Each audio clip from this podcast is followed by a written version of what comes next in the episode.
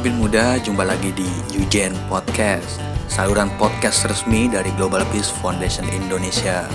Di sini kamu bisa dapetin banyak banget obrolan menarik seputar dunia anak muda Indonesia yang penuh kreativitas, penuh inspirasi untuk terus menebarkan perdamaian dan kebaikan. So, simak terus obrolan-obrolannya bersama kami Eugen Podcast. Halo Sobat Yujen, bagaimana kabarnya? Kembali lagi bersama saya Isman Habibillah di Yujen Podcast. Seperti biasanya nih, setiap seminggu sekali teman-teman akan ditemani oleh episode-episode terbaru dari Yujen Podcast yang pastinya bakal menginspirasi teman-teman semuanya. Untuk episode kali ini kita punya tamu spesial. Sebelum saya memperkenalkan tamu saya yang satu ini, saya akan memberikan clue-nya jadi kita akan membahas sebuah tema yang menarik menurut saya dan ini sering kali diperbincangkan dan dibicarain oleh uh, teman-teman semuanya khususnya teman-teman yang suka baca buku nih. Nah, apalagi kalau bukan tema tentang literasi. Ngomong-ngomong, uh, selain buku, apa sih yang ada di benak teman-teman semuanya kalau mendengar kata literasi nih? Kalau saya, ketika mendengar kata literasi yang ada di pikiran saya, salah satunya adalah perpustakaan.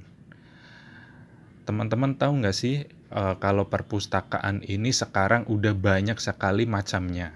Dari mungkin teman-teman yang biasa di kampus ada perpustakaan kampus, Terus yang biasa nih di perpustakaan-perpustakaan di kotanya, di daerah-daerahnya pasti ada kan, atau sampai perpustakaan nasional. Selain itu juga yang perlu teman-teman tahu, perpustakaan juga bisa berbentuk taman baca. Menarik bukan? Taman yang dijadikan perpustakaan. Wah, gimana tuh bentuknya? Nah, untuk itu kita akan membahas tentang taman baca bersama Mas Fajri Alfala dari Taman Baca Inovator. Dan karena sekarang masih PSBB untuk mengikuti protokol kesehatan dari pemerintah, jadi interview podcast kali ini kita lakukan melalui daring. Oke, jadi mari kita coba kontak Mas Fajri ya. Halo. Halo, Assalamualaikum. Waalaikumsalam. Pertama-tama uh, kami ngucapin terima kasih buat Mas Fajri udah udah mau berkenan di tengah kesibukannya. Siap. Oke, Mas Fajri, sebelum ya. kita masuk ke pembahasan, mungkin aku mau tanya dulu nih, Mas, hmm. tentang Taman Baca Inovator, karena menarik banget cara terminologi. Salah satu yang aku tertarik itu tentang pemilihan katanya Taman Baca itu sebuah kalau taman itu kan sebuah area yang menyenangkan, penuh nah, bunga, orang-orang camping, eh kayak uh -huh. bisa jadi camping rekreasi dan memilih kata taman baca. Membaca kan juga salah satu hal yang mungkin bagi sebagian orang masih jadi yang se sebuah hal yang belum rutinitas. Ini membuat taman hmm. baca inovator. Boleh diceritakan nih Mas uh, mungkin awal mulanya taman baca inovator itu berdiri seperti apa dan bagaimana? Oke, dari nama dulu kali ya. Iya boleh boleh. Itu boleh. itu menarik sih kayak kita memang sengaja memilih taman baca. Udah dijawab saya sama Mas tadi. Mm-hmm. Kenapa nggak perpustakaan gitu? Kalau selama ini yep. kan stereotip per, stereotip dari perpustakaan itu adalah hening, sepi, nggak boleh berisik dan harus serius banget di dalamnya gitu kan. Stereotipnya mm-hmm. itu gitu. Iya. Kemudian yeah. uh, target kita di taman baca kan anak-anak. Jadi kita harus memilihkan sesuatu yang anak-anak menyenangkan di sana gitu. Kalau konsep taman itu kan tempat bersenang-senang ya mau istirahat di sana, mau belajar di sana, mau main di sana. Jadi tempat yang menyenangkan lah bagi anak-anak, bagi umum terutama gitu. Jadi makanya kita angkat sebagai taman bukan perpustakaan.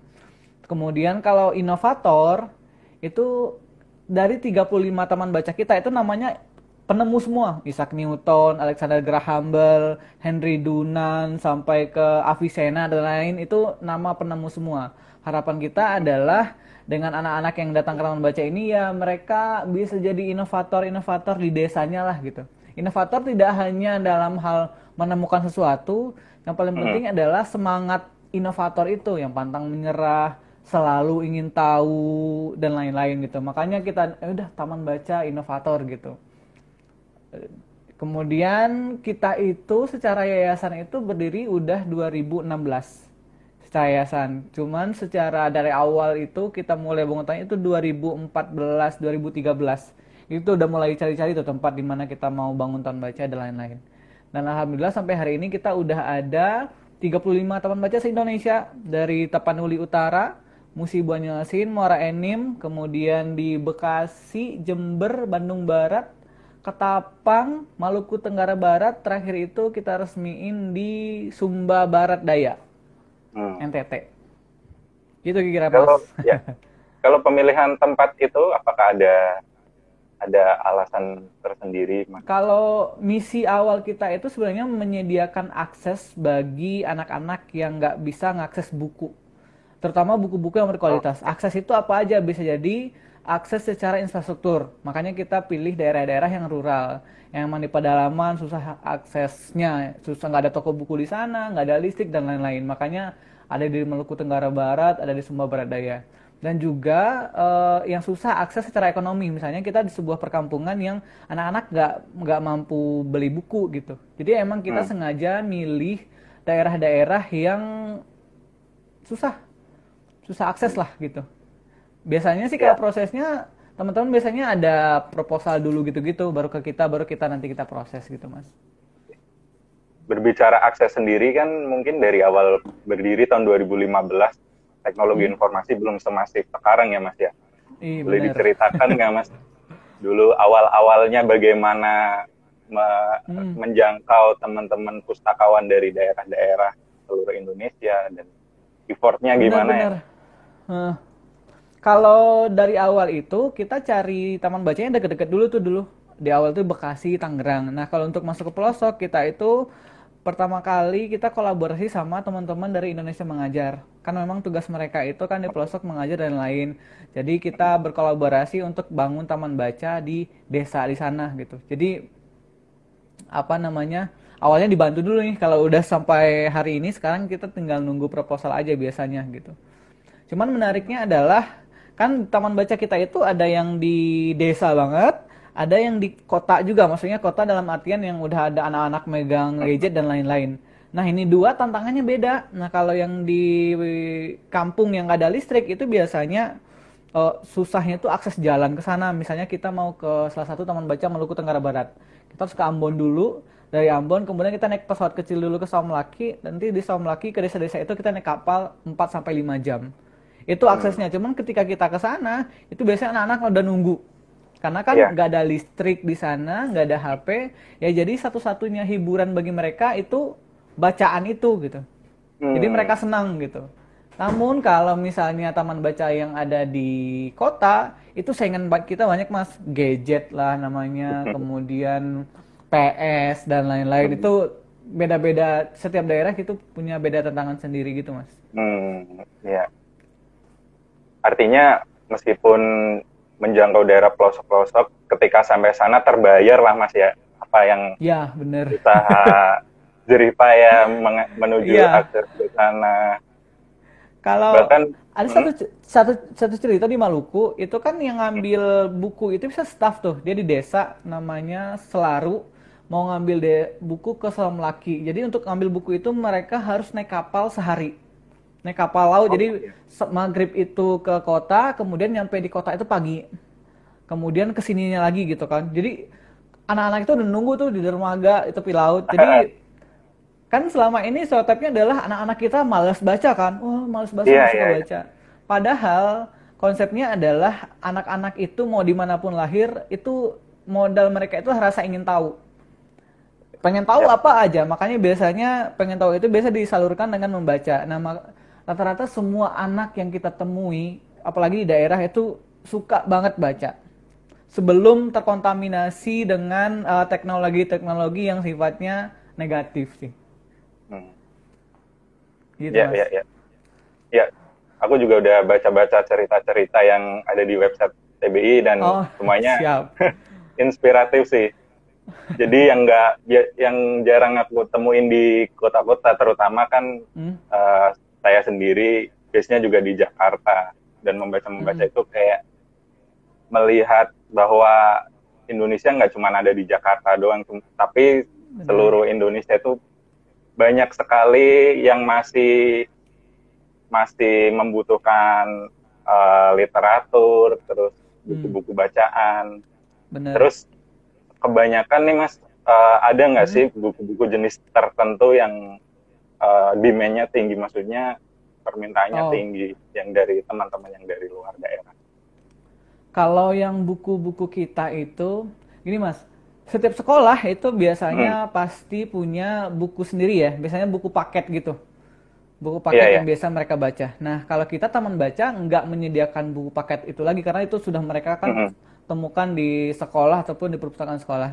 Yang kita sediakan adalah memang buku-buku cerita biasanya. Misalnya mm. uh, buku cerita yang pop up gitu, kemudian yang gambarnya banyak gitu.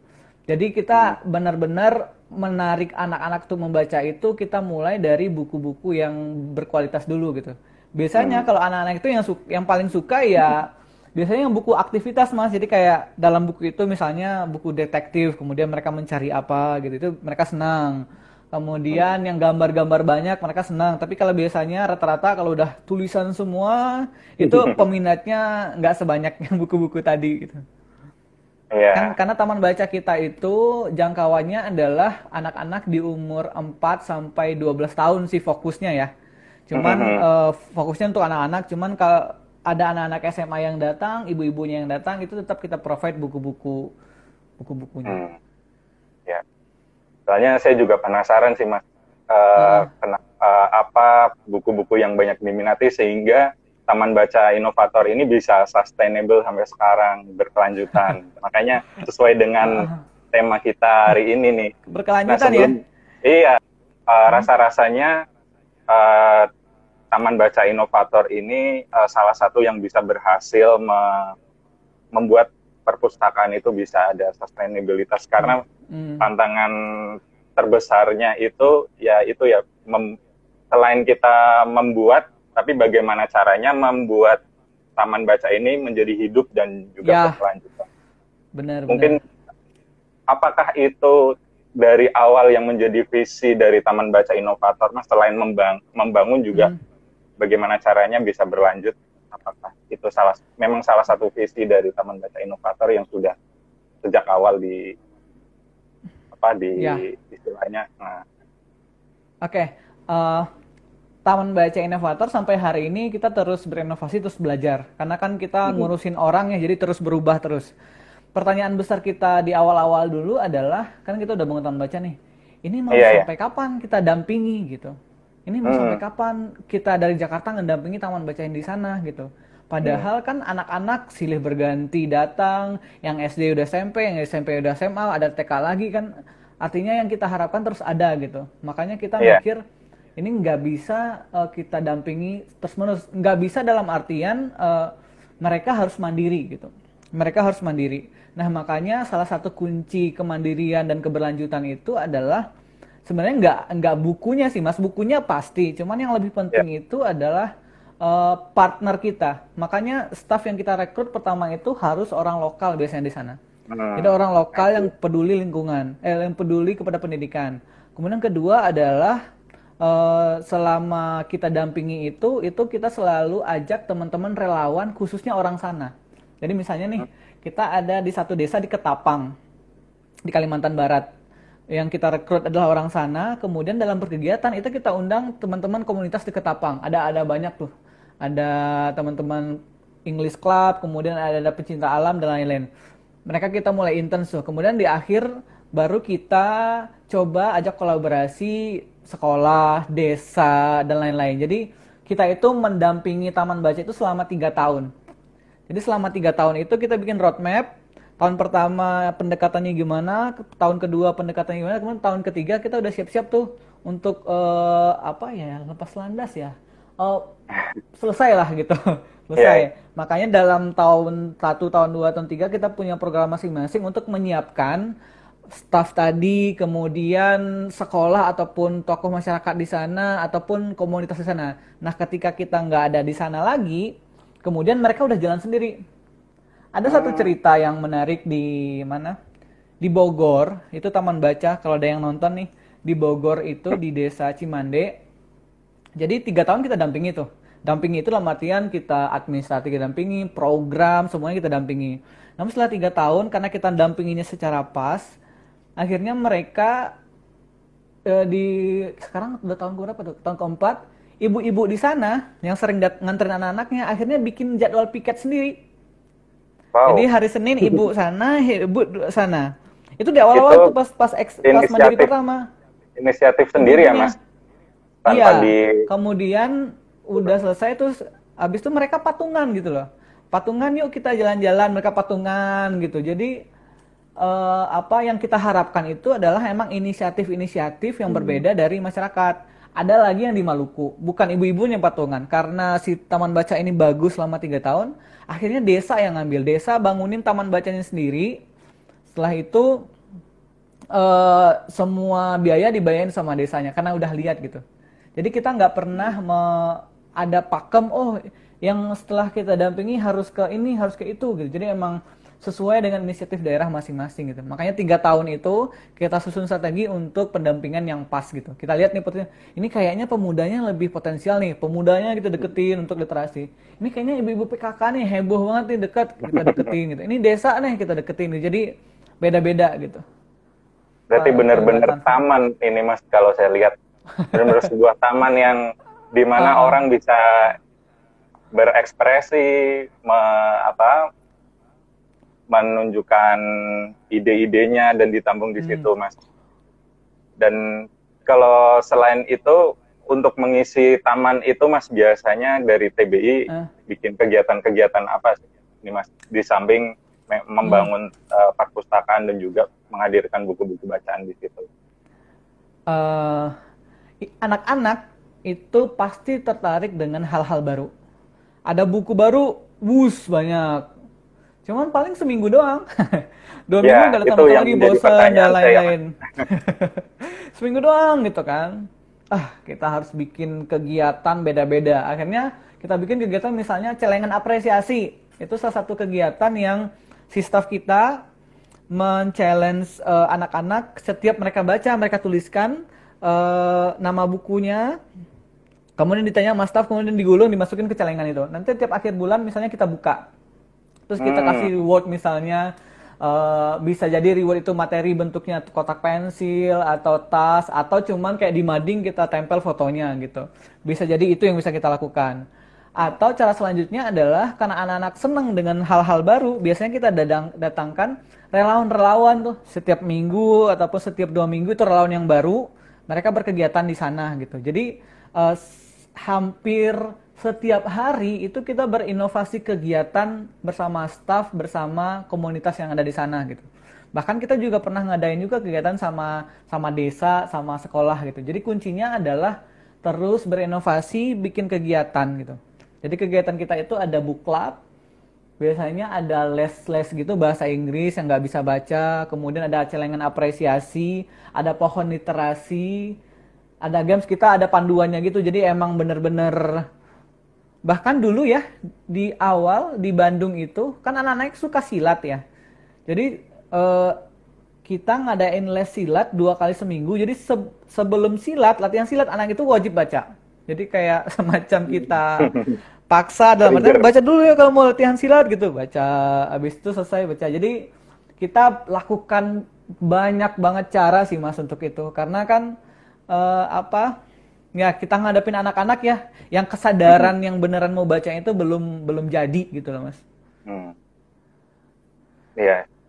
Menarik sekali mas. Soalnya kegiatannya selalu selalu hidup dan melibatkan banyak orang juga ter, ternyata selain dari TBI sendiri. Uh, uh, nah, memang di mengenai kegiatan-kegiatan sendiri TBI juga hmm. salah satu yang melibatkan volunteer-volunteer uh, di setiap yep. uh, taman baca. Kalau hmm. Mas Fajri melihat sendiri uh, pentingnya kehadiran volunteer dan relawan-relawan TBI bagi TBI seperti apa sih Mas? Kalau saya kalau bikin artikel sering sering pakai kata-kata yang uh, membangun literasi itu adalah sebuah perjalanan panjang dan nggak bisa sendiri untuk mencapainya gitu. Jadi ini nggak yang instan setahun minat baca tumbuh nggak bisa. Ini hmm. panjang dan terus menerus. Dan yang paling penting lagi nggak bisa sendiri. Jadi harus uh, kolaborasi sebanyak mungkin.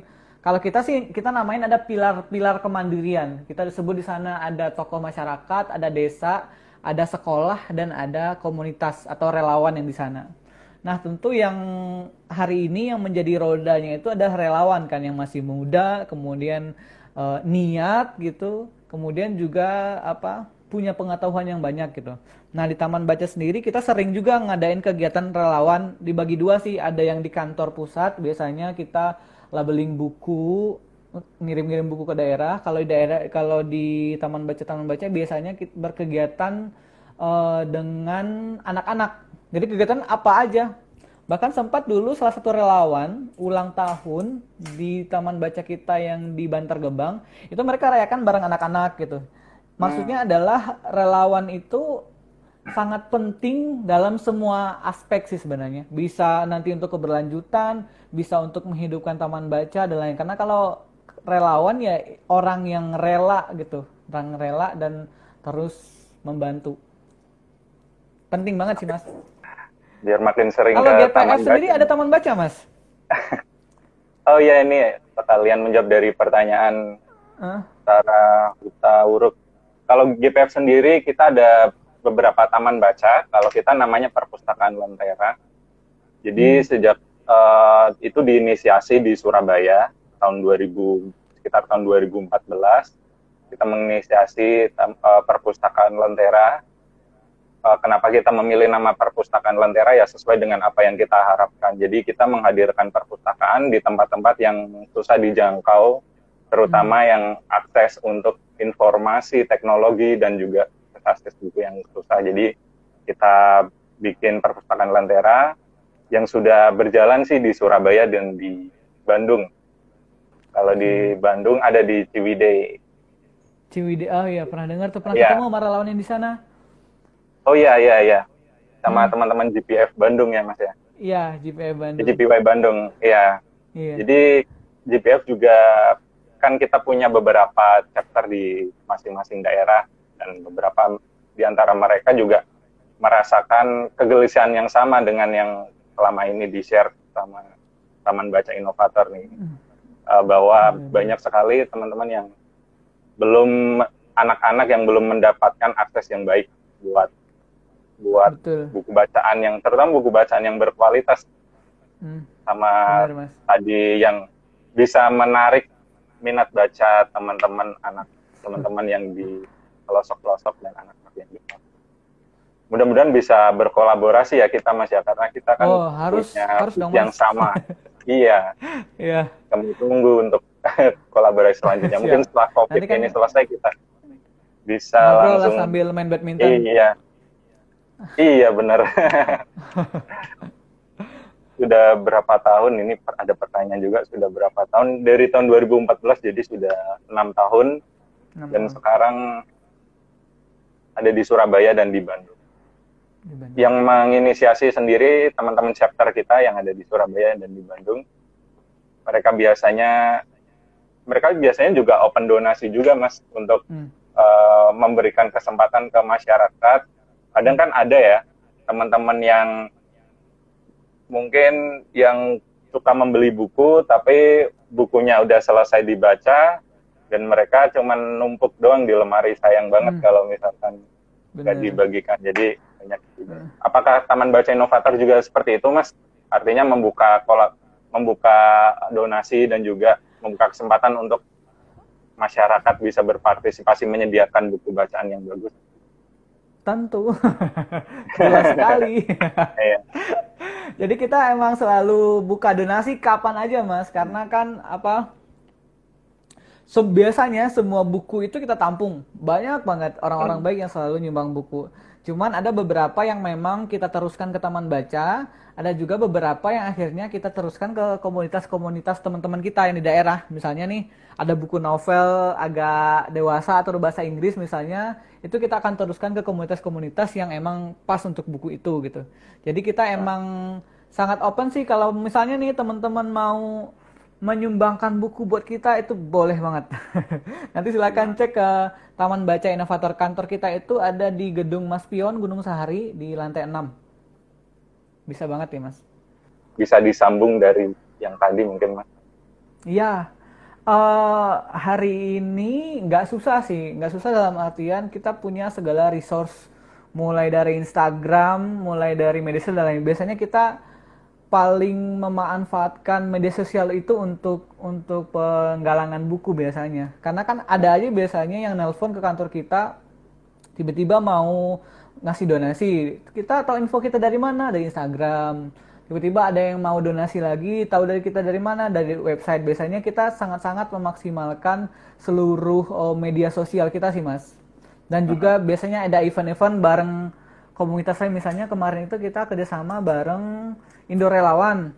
Nah kemudian Indo Relawan ngumpulin buku kemudian bukunya disalurin ke kita gitu. Jadi bisa lewat media sosial, Instagram terutama. Kemudian kita juga bisa kolaborasi dengan komunitas yang lainnya gitu. Hmm. Yang ketiga adalah bisa aja lewat sendiri. Maksudnya yang kayak Mas tadi bilang bahwasanya banyak orang-orang yang rajin baca buku, kadang bukunya udah banyak dan pengen nyumbangin, banyak juga yang bingung ini mau nyumbang ke mana ya gitu. Makanya biasanya kita mulai gencar promosinya melalui media sosial gitu. Hmm. Jadi media sosial itu sangat-sangat membantu kita dalam mengumpulkan donasi buku. Jauh ini kan udah kolaborasi sudah hampir seluruh Indonesia ya mas. Ada nggak hmm. daerah yang ya daerah yang dari TBI sendiri ada nih keinginan untuk menjangkau ke sana hmm. tapi belum. Belum. Nah ini ya sekalian ya buat teman-teman yang iya. nonton. Yeah. kita itu sekarang mau uh, bantu untuk teman-teman yang ada di Papua. Jadi kalau misalnya teman-teman ada punya komunitas kenalan di Papua, silakan kontak kita. Itu kita sangat bisa kerjasama untuk setidaknya itu kita bisa ngirim buku. Walaupun nggak hmm. langsung bangun taman baca, setidaknya kita bisa ngirim buku di taman baca. Jadi hmm. paling daerah itu ya yang belum kita jangkau. Papua. Dari dari Sumatera udah ada mas Sumatera Sumatera itu Kalimantan kita ada di Tapanuli Utara. Sumatera itu Tapanuli Utara ada tiga. Hmm. hmm. Kemudian di Musi Banyu Asin sama Muara Enim itu Sumatera Selatan. Hmm. Kalau di Kalimantan itu kita ada Ketapang, Kalimantan Barat dan harusnya sih bulan ini kita buka lagi di Palangkaraya sih harusnya, cuman karena Covid belum. Kemudian ya. di Sulawesi ada di Sangihe, Sulawesi Utara. Hmm. Kemudian di Maluku ada di Maluku Tenggara Barat. NTT ada di Sumba Barat Daya sama Sumba Barat. Di Jawa itu ada di Jember. Banyak. Bandung Barat, Cikarang, Bekasi banyak. Oke. Okay. Benar, benar banget. Mas. Terakhir nih Mas, harapannya kira-kira apa Mas untuk Taman Baca Inovator sendiri dan juga untuk uh, perpustakaan-perpustakaan yang ada di Indonesia? Uh, mungkin promosi dulu dikit ya.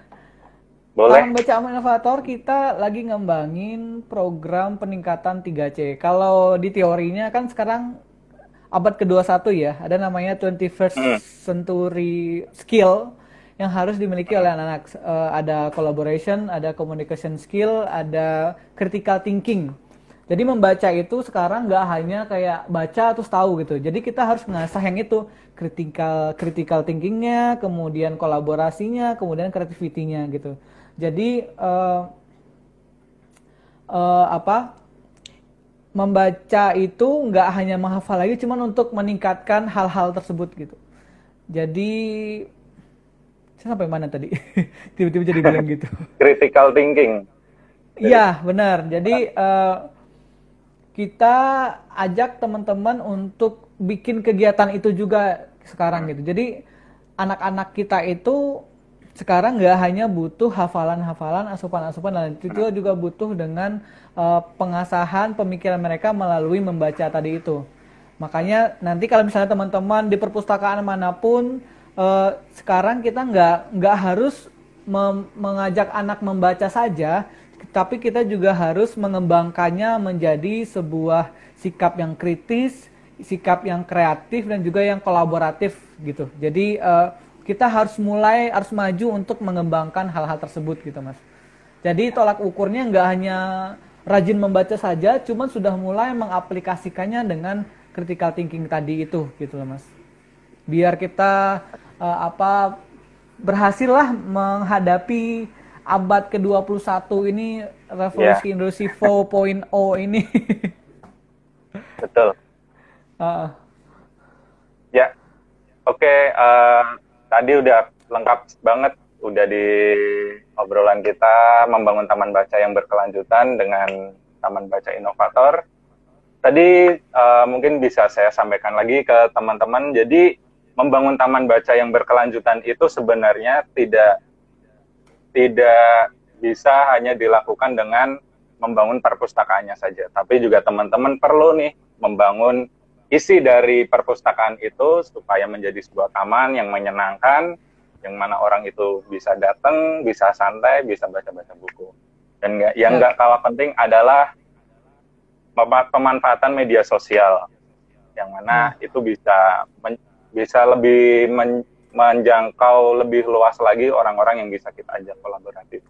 Dan satu kata yang saya selalu ingat dari Mas Fajri adalah membangun minat literasi dari anak-anak Indonesia merupakan sebuah jalan panjang yang harus kita kita lalui bersama selalu upayakan bersama dan juga berkolaborasi bersama agar kita bisa mewujudkan pendidikan Indonesia dan literasi Indonesia menjadi lebih bagus lagi. Begitu ya, ya. Mas Fajri ya? Ya, benar. Oke, terima kasih Mas Fajri sudah ya, meluangkan waktu dan bergabung. Kalau misalkan masih ada pertanyaan, follow Instagram GPF Indonesia dan juga Taman Baca Inovator. Silakan yang ingin berkolaborasi. Untuk saat ini ya kita karena masa pandemi ini kita bisa memanfaatkan media sosial untuk segala bentuk kolaborasi dan juga segala bentuk kerjasama untuk tadi sama-sama mewujudkan pendidikan Indonesia yang lebih bagus dan juga literasi yang lebih bagus lagi. Tetap semangat, tetap sehat selalu untuk Mas Fajri juga ya Mas ya dan teman-teman ya, Taman Baca Inovator. Terus ya. semangat, jaga kesehatan. Terima kasih sudah mendengarkan Yujen Podcast. Semoga obrolan tadi menginspirasi kita semua untuk terus berbuat baik, untuk terus menebarkan perdamaian di bumi yang kita cintai ini. Dan jangan lupa para pemimpin muda, subscribe dan follow akun sosial media Global Peace Foundation Indonesia, baik di YouTube, Instagram, Facebook, maupun Twitter. Sampai ketemu di obrolan dan episode berikutnya bersama kami, Yujen Podcast.